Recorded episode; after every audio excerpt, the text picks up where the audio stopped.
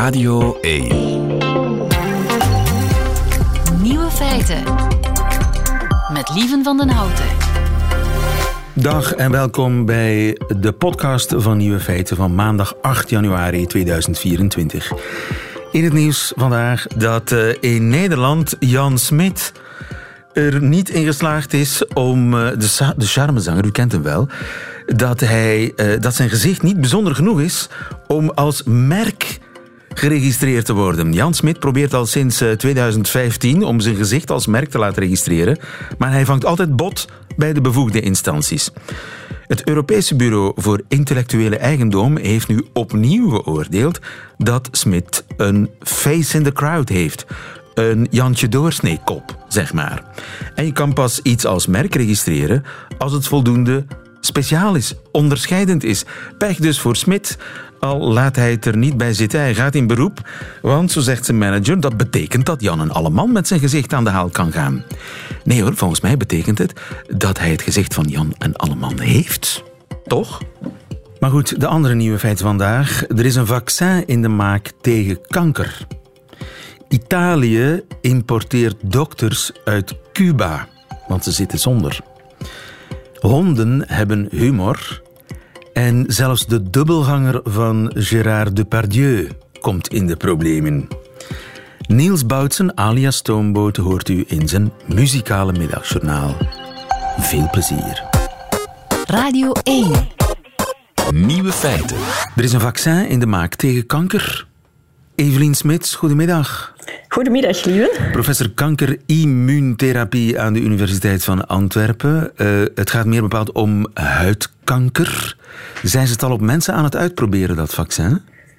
Uh, ja, dat klopt. Dus nu zijn er uh, resultaten gepubliceerd uh, van een studie bij patiënten die geopereerd zijn aan huidkanker en waarbij ze zagen dat die kankercellen zich al verspreid hadden.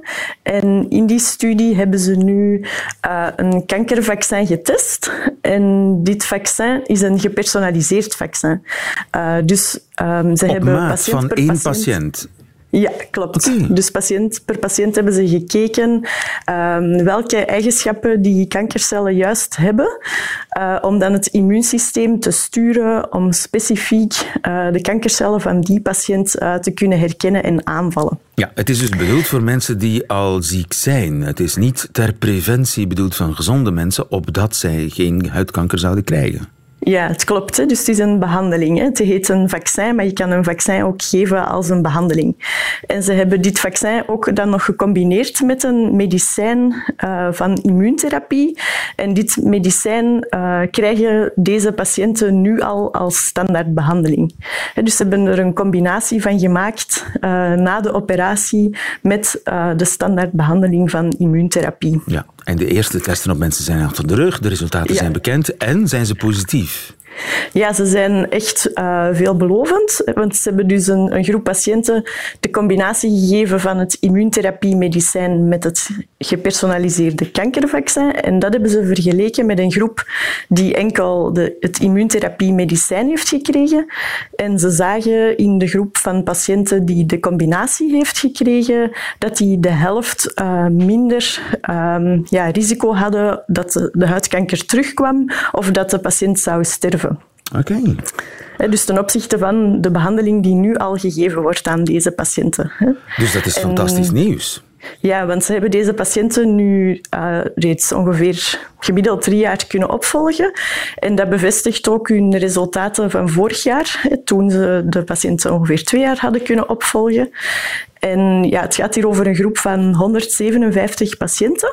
En dus wat deze bedrijven nu gedaan hebben van het immuuntherapie-medicijn en het kankervaccin, is uh, dat ze nu een grote studie gestart zijn waar ze duizend patiënten zullen okay. behandelen. En zitten daar patiënten tussen in België? Ja, Oh, dus ja. er zijn veertien landen die nu deelnemen aan die grotere studie. En daar uh, zitten ook uh, sites in België bij. Um, dus er zijn patiënten van u die, eraan, die in dat programma zitten?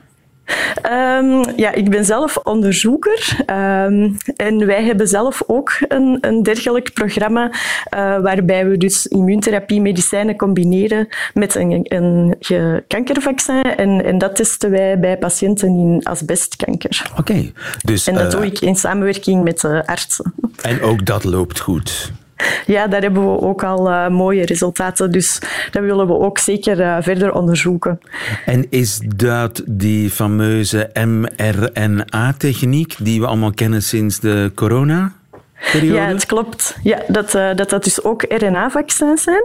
En dat de, de coronaperiode eigenlijk de overheden en de onderzoekers heel veel geleerd heeft hè, over um, ja, waar je over wat RNA-vaccins allemaal uh, ja, van effecten kunnen hebben. Dus dat dat ook gemaakt heeft dat uh, het gebruik van RNA-vaccins als kankerbehandeling nu in een, in een stroomversnelling komt. Oké. Ja. En dus dan gaat het niet alleen over huidkanker, maar je zei ook asbestkanker. Dus ik neem aan dat uh, straks uh, zo goed als alle vormen van kanker op die manier kunnen bestreden worden. Ja, want, want deze bedrijven zijn nu ook reeds een grote studie gestart in longkanker. En er zijn ook uh, van een ander bedrijf, BioNTech, al heel mooie resultaten gepubliceerd in pancreaskanker. dus dit heeft effectief het potentieel om veel kankertypes te kunnen behandelen. Types waar er nog nood is aan een betere behandeling. Oké, en wanneer komen die middelen dan uiteindelijk voor het bredere publiek op de markt? Eh, spreken we dan over volgend jaar of zo, of over drie jaar?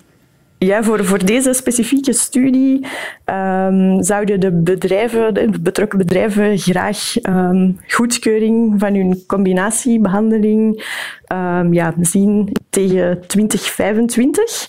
En daarvoor zijn zij nu met overheden aan het onderhandelen om voor een vervroegde ja, eigenlijk een versnelde procedure te kunnen gaan uh, om, om deze behandeling goed te keuren en uh, ja, te laten terugbetalen. Um, maar daar moeten natuurlijk de resultaten dan nog bevestigd kunnen worden in die grotere groep uh, van patiënten. Ja, maar dat betekent dus echt dat mensen die vandaag zeg maar ten dode zijn opgeschreven, dat die over drie jaar, als, het, als ze zo lang het nog kunnen rekken, ja, bij wijze van spreken gered zijn.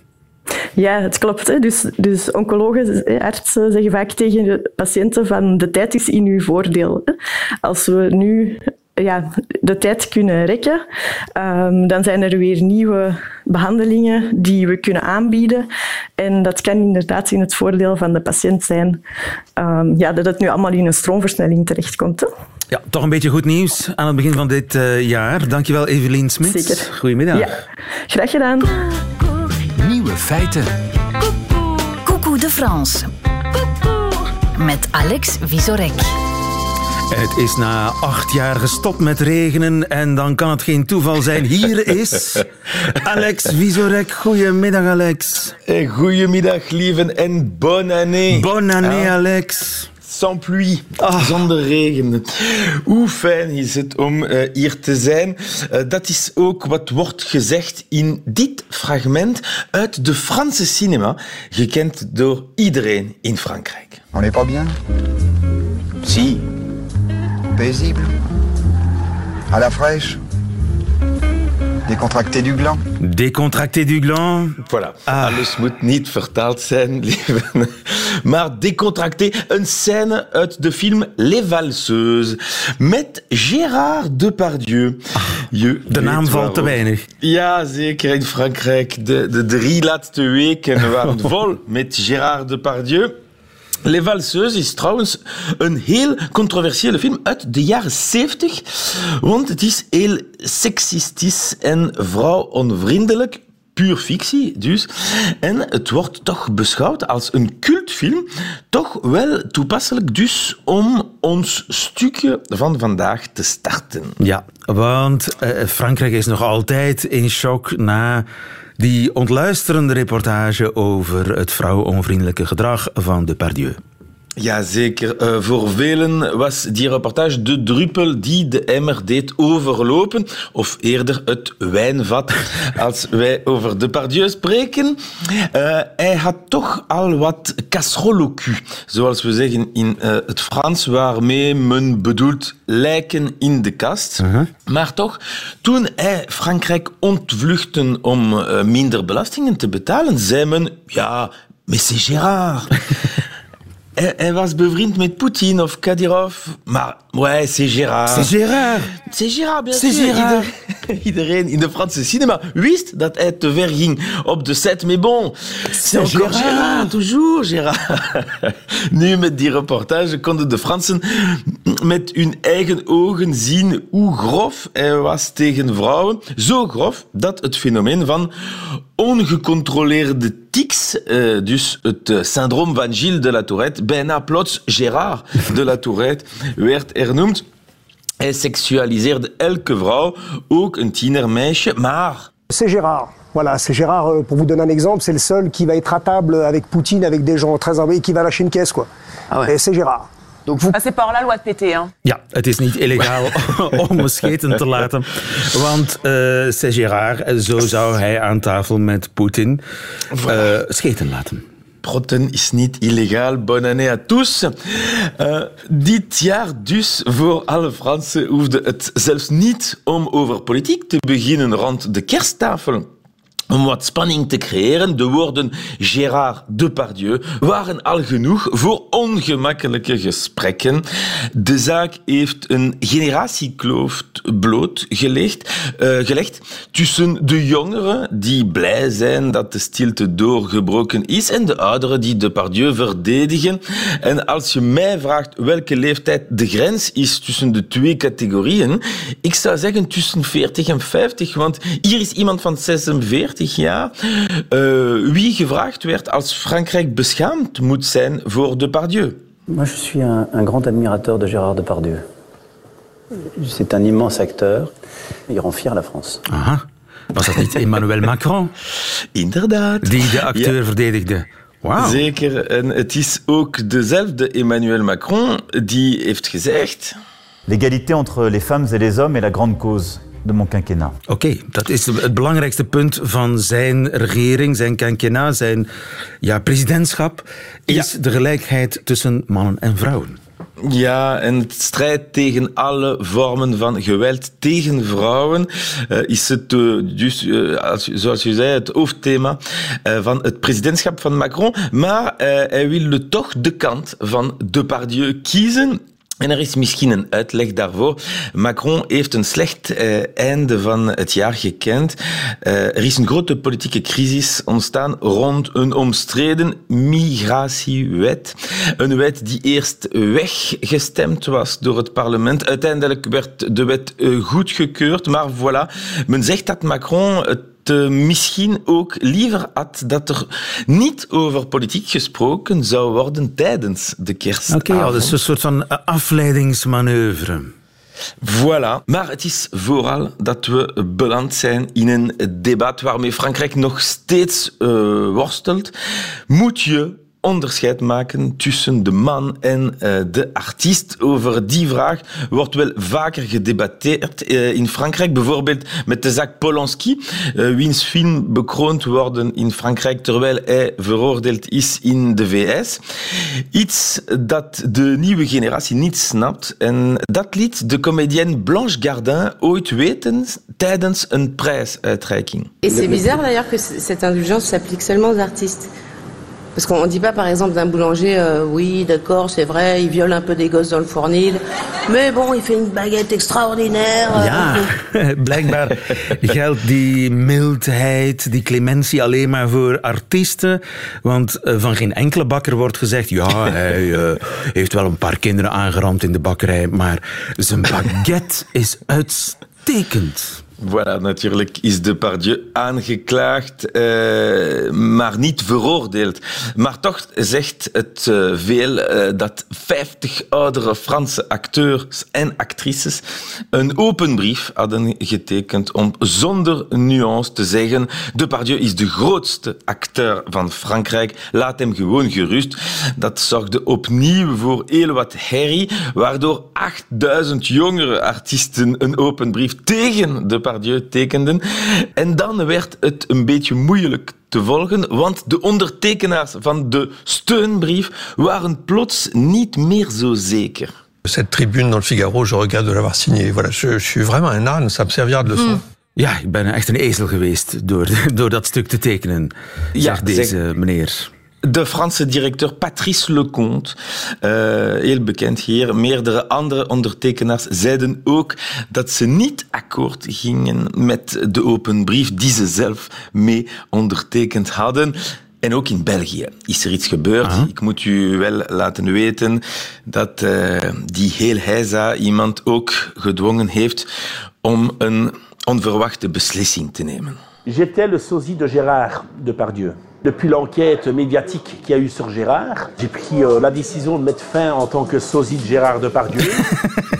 Oké, dat is dus de dubbelganger ja. van Gérard Depardieu, die ingehuurd kon worden als een soort lookalike van Depardieu. Die heeft beslist, ja, ik doe het niet meer. Ja, uh, ik stel je gerust, uh, daarvoor was geen grote ingreep nodig. Als je hem ziet, denk je dat hij meer een dubbelganger van de Aldi is. maar hij werd toch op straat verweten uh, een seksueel pervert, een seksueel pervert te zijn. Dus de volgende vraag is, moet je de dubbelganger van de artiest onderscheiden van de man?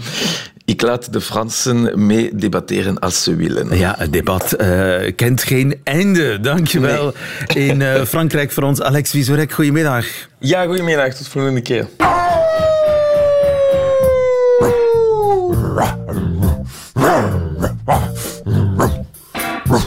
Radio 1. Nieuwe feiten.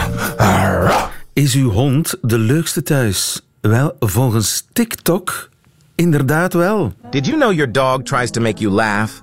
Research from a university in Hungary reveals that dogs can sense emotions, including happiness and sadness. This suggests that your dog actively works to bring laughter into your life. So the next time your dog makes you smile, remember, it's no accident. Share this with another dog parent now. Volgens dit TikTok-filmpje hebben honden humor. Chris Dussonchois, goedemiddag. Goedemiddag, Lieve. Auteur van uh, Honden zoals ze echt zijn en vele andere boeken over dieren. Aan een universiteit in Hongarije zouden ze dus gecheckt hebben of honden graag de clown uithangen om hun baasje te doen lachen. Mm-hmm. Klopt dat? Um, het klopt misschien een beetje, um, maar erg zeker zijn we het niet. Uh, misschien moeten we beginnen liever met uh, de definitie van wat humor is. Um, en dat is misschien niet zo makkelijk. Ja, de als makkelijkste... het om te lachen is, als ik jou doe lachen, dan ja, heb voilà. ik humor. Zoiets. Ja, uh, daarop, als, als, het geestig is... Als het, ja, oké. Okay. Als, als jij het, het geestig vindt, is, heb ik humor. Ja, Voilà. Uh, maar een moeilijker definitie misschien is... Ja, uh, humor is het uh, vermogen om... Um, grappige tegenstrijdigheden of details te ontdekken in allerhande alledaagse zaken. En ja. we vinden dat een kwaliteit, lieven. Ja, en daar heb je intelligentie voor nodig, hè? Omdat, ja. Voilà. Ja, uh, iemand met gevoel voor humor, uh, die staat hoog aangeschreven. En omgekeerd, iemand die uh, niemand kan doen lachen, daar blijven we eigenlijk het liefst ver van weg. Nu, het is 2024 en ik ga ver terug in de tijd naar 1871 en naar een boek van niemand minder dan Charles Darwin. Mm -hmm. Namelijk The Descent of Man, de afstamming van de mens. En daar heeft Darwin iets geschreven over het gevoel voor humor van honden. Okay. Uh, hij schrijft namelijk dat honden iets vertonen dat wel lijkt op gevoel voor humor. Wanneer je bijvoorbeeld een stok weggooit, uh, dan pakt hij die stok, dan komt hij een beetje dichterbij, maar hij gaat op een afstand liggen. Maar van zodra je die stok wil afpakken, loopt hij daarmee weg, parmantig met zijn staart omhoog, duidelijk genietend van zijn practical joke. Aha. Ja, en dat is iets wat heel veel hondenbaasjes zullen herkennen, niet alleen met de stok. Er zijn ook honden die bijvoorbeeld voor de deur gaan staan, lieven, kwispelend en je aandacht trekkend. En dan van zodra je de deur open doet, lopen ze terug naar hun mand en kijken ze naar jou. Eh, voilà, inderdaad. Genietend eh, van hun practical joke. Dus ja, je, eh, ze tonen gedrag waaruit je zou kunnen afleiden dat ze mogelijk gevoel voor humor hebben. Er zijn zelfs mensen die beweren dat ze kunnen lachen. Hoorbaar en- lachen. Wel, ehm, eh, hoorbaar lachen, dat is onderzocht eh, door een eh, professor Trisha Merritt. Eh, ze is intussen helaas overleden. Eh, ze was professor etologie of dierengedrag. En die heeft ontdekt in in 2001, eh, terwijl ze allerhande, allerhande hondengeluiden vergeleek, dat honden inderdaad een geluid maken dat lijkt op lachen. En ehm, als je het zelf zou willen maken, dan moet je wanneer je ha ha zegt, de a eraf knippen. En dan klinkt dat ongeveer als volgt.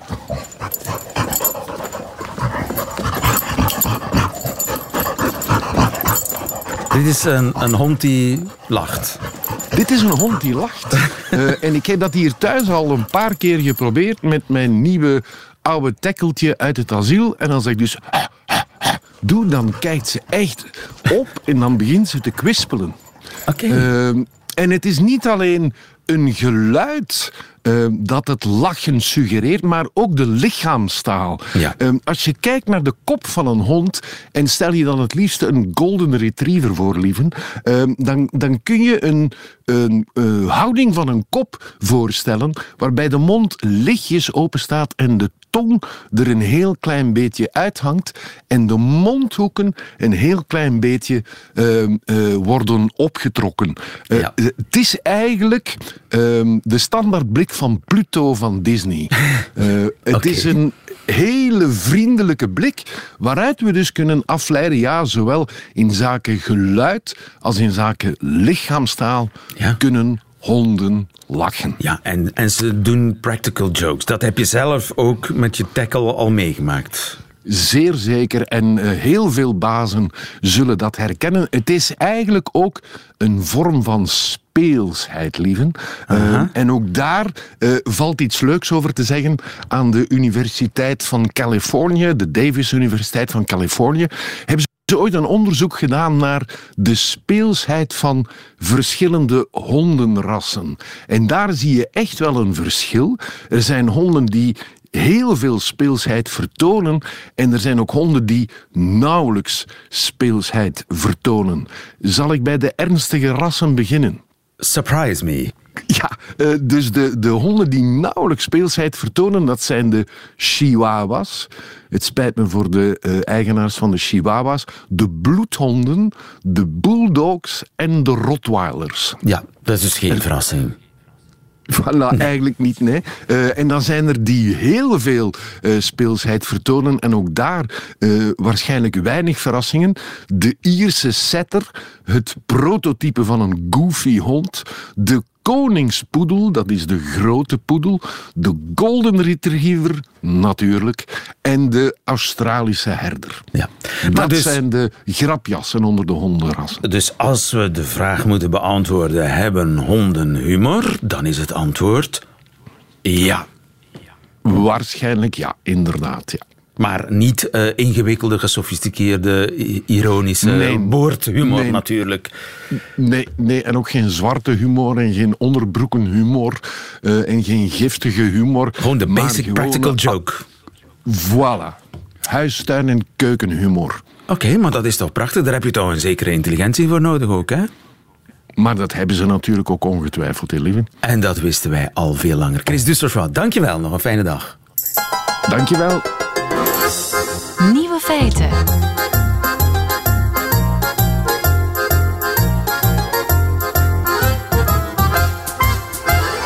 In de komende twee jaar zullen er 300 dokters uit Cuba aan de slag gaan in ziekenhuizen in Italië. Want daar zitten ze zonder dokters. Paulien Valkenet, goedemiddag. Goedemiddag. Paulien, je bent correspondent Italië voor Trouw, de Nederlandse krant. Die 300 Cubanen die gaan naar Calabrië in het zuiden. Is het overal in Italië even erg? Ja, het is wel ongeveer overal in Italië eh, even erg. Het is een landelijk probleem. In heel Italië eh, zijn er duizenden vacatures voor artsen die openstaan en die niet kunnen worden gevuld. Uh, dus het is echt een landelijk een groot probleem. En het feit dat, dat de Cubanen naar Calabrië zijn gekomen en ook nog zullen komen dat komt omdat de gouverneur van Calabria op eigen initiatief in Cuba is gaan zoeken. De, de openbare gezondheidszorg in Italië is regionaal geregeld. Hè? Dus het gaan de regiobesturen over. Die mogen uh, vergaand zelf beslissingen nemen. En de gouverneur van Calabria uit wanhoop is die uh, mensen uit Cuba gaan halen. Ja, want uh, in de ziekenhuizen in Italië lange wachtrijen uh, mensen die geen zorg krijgen terwijl ze die nodig hebben? Is het zo erg dat mensen liggen te, ja, te creperen, bij wijze van spreken, op de gang? Nee, zo, zo erg is het niet. Er zijn geen berichten van mensen die zijn gestorven of die niet behandeld worden omdat er geen arts voorhanden is. Maar inderdaad, de wachtlijsten uh, uh, die nemen toe. Die zijn veel te lang, daar is iedereen het over eens. Uh, mensen klagen ook vaak dat ze toch wel erg lang moeten wachten op de eerste hulp. De werkdruk voor artsen is natuurlijk enorm toegenomen door dit tekort. Die moeten steeds meer uren maken, hebben steeds meer werk met steeds minder collega's.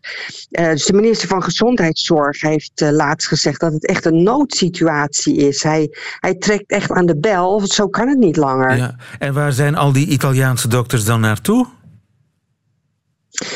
Nou, er zijn een aantal artsen met pensioen gegaan. Um, Italië is, is sowieso een, een, land met een hele oude, of met een relatief, laat ik het goed zeggen, met een relatief oudere bevolking. En er zijn hier ook veel oudere artsen in vergelijking met andere Europese landen. En er zijn een aantal met pensioen gegaan, juist ook vanwege die hoge werkdruk. Een aantal artsen zijn ook vanuit de publieke sector uh, ZZP'er geworden om zich uh, voor meer geld te kunnen laten inhuren. Zelfstandig. Om meer te kunnen verdienen. Ja, als zelfstandige. Of ze zijn naar privéklinieken gegaan.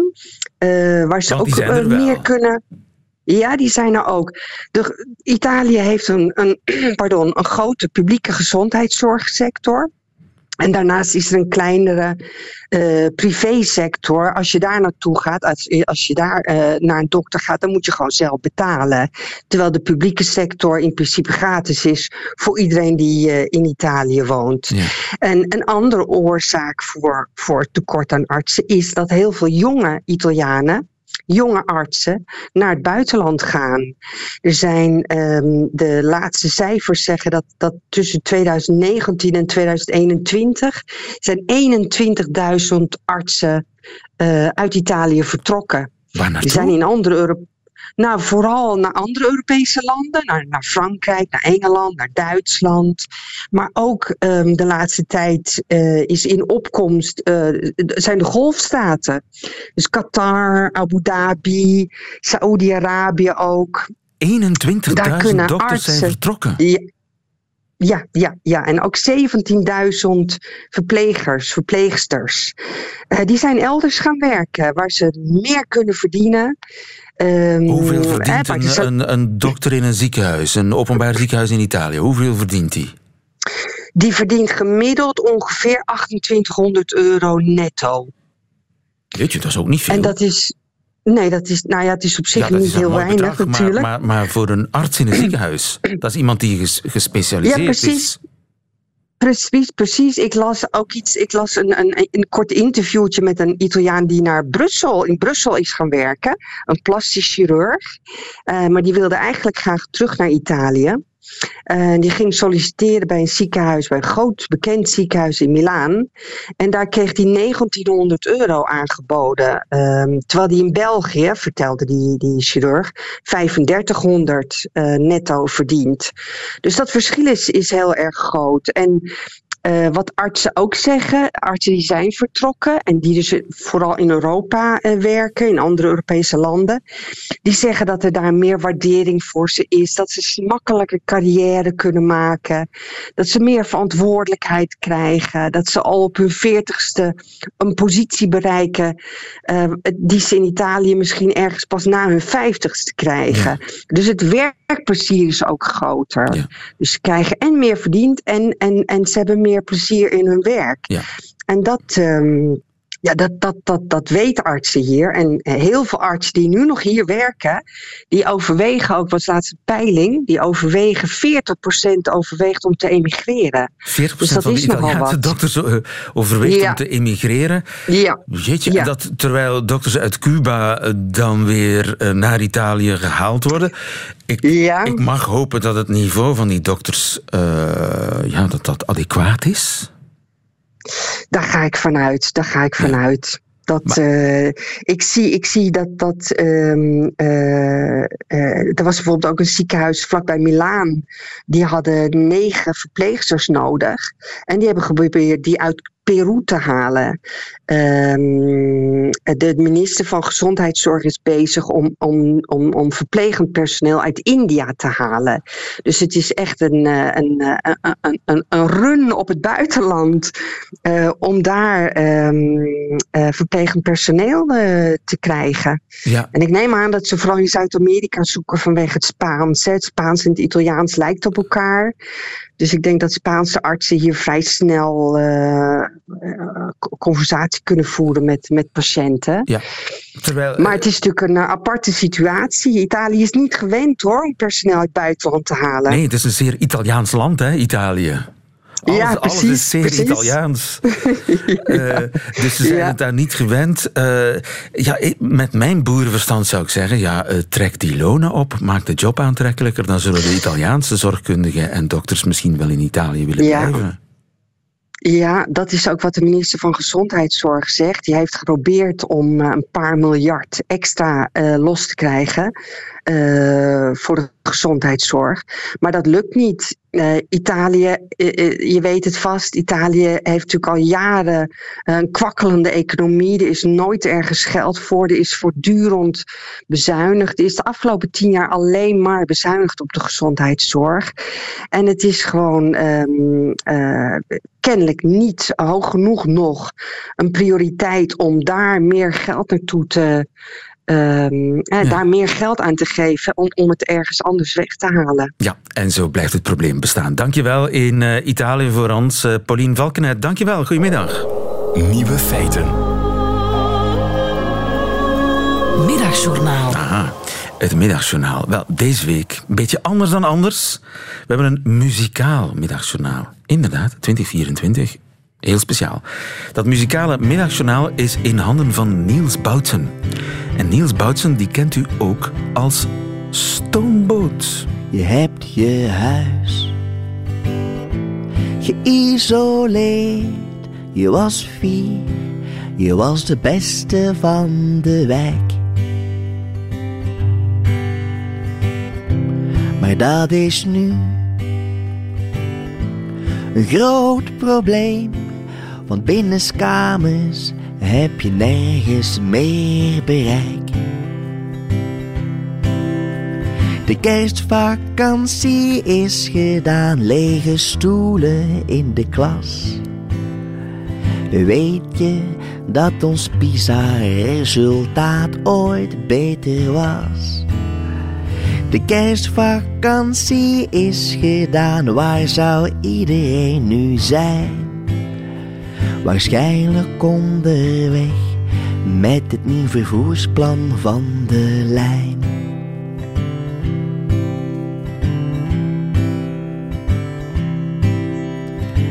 Charles Michel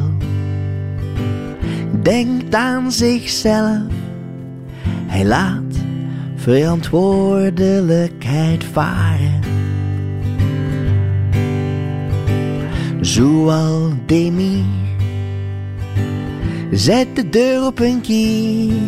Ineos kan nu de etaanklus klaren. De kerstvakantie is voorbij, waar zou iedereen toch zijn? Waarschijnlijk onderweg met het nieuwe vervoersplan van de lijn. Niels Boutsen, alias Stoomboot, in zijn muzikale middagjournaal. Einde van deze podcast. Hoort u liever de volledige nieuwe feiten? Dat wil zeggen met alle muziek erbij. Dat kan natuurlijk elke werkdag live tussen 12 en 1 op Radio 1 of uitgesteld via de app van VRT Max. Tot een volgende keer.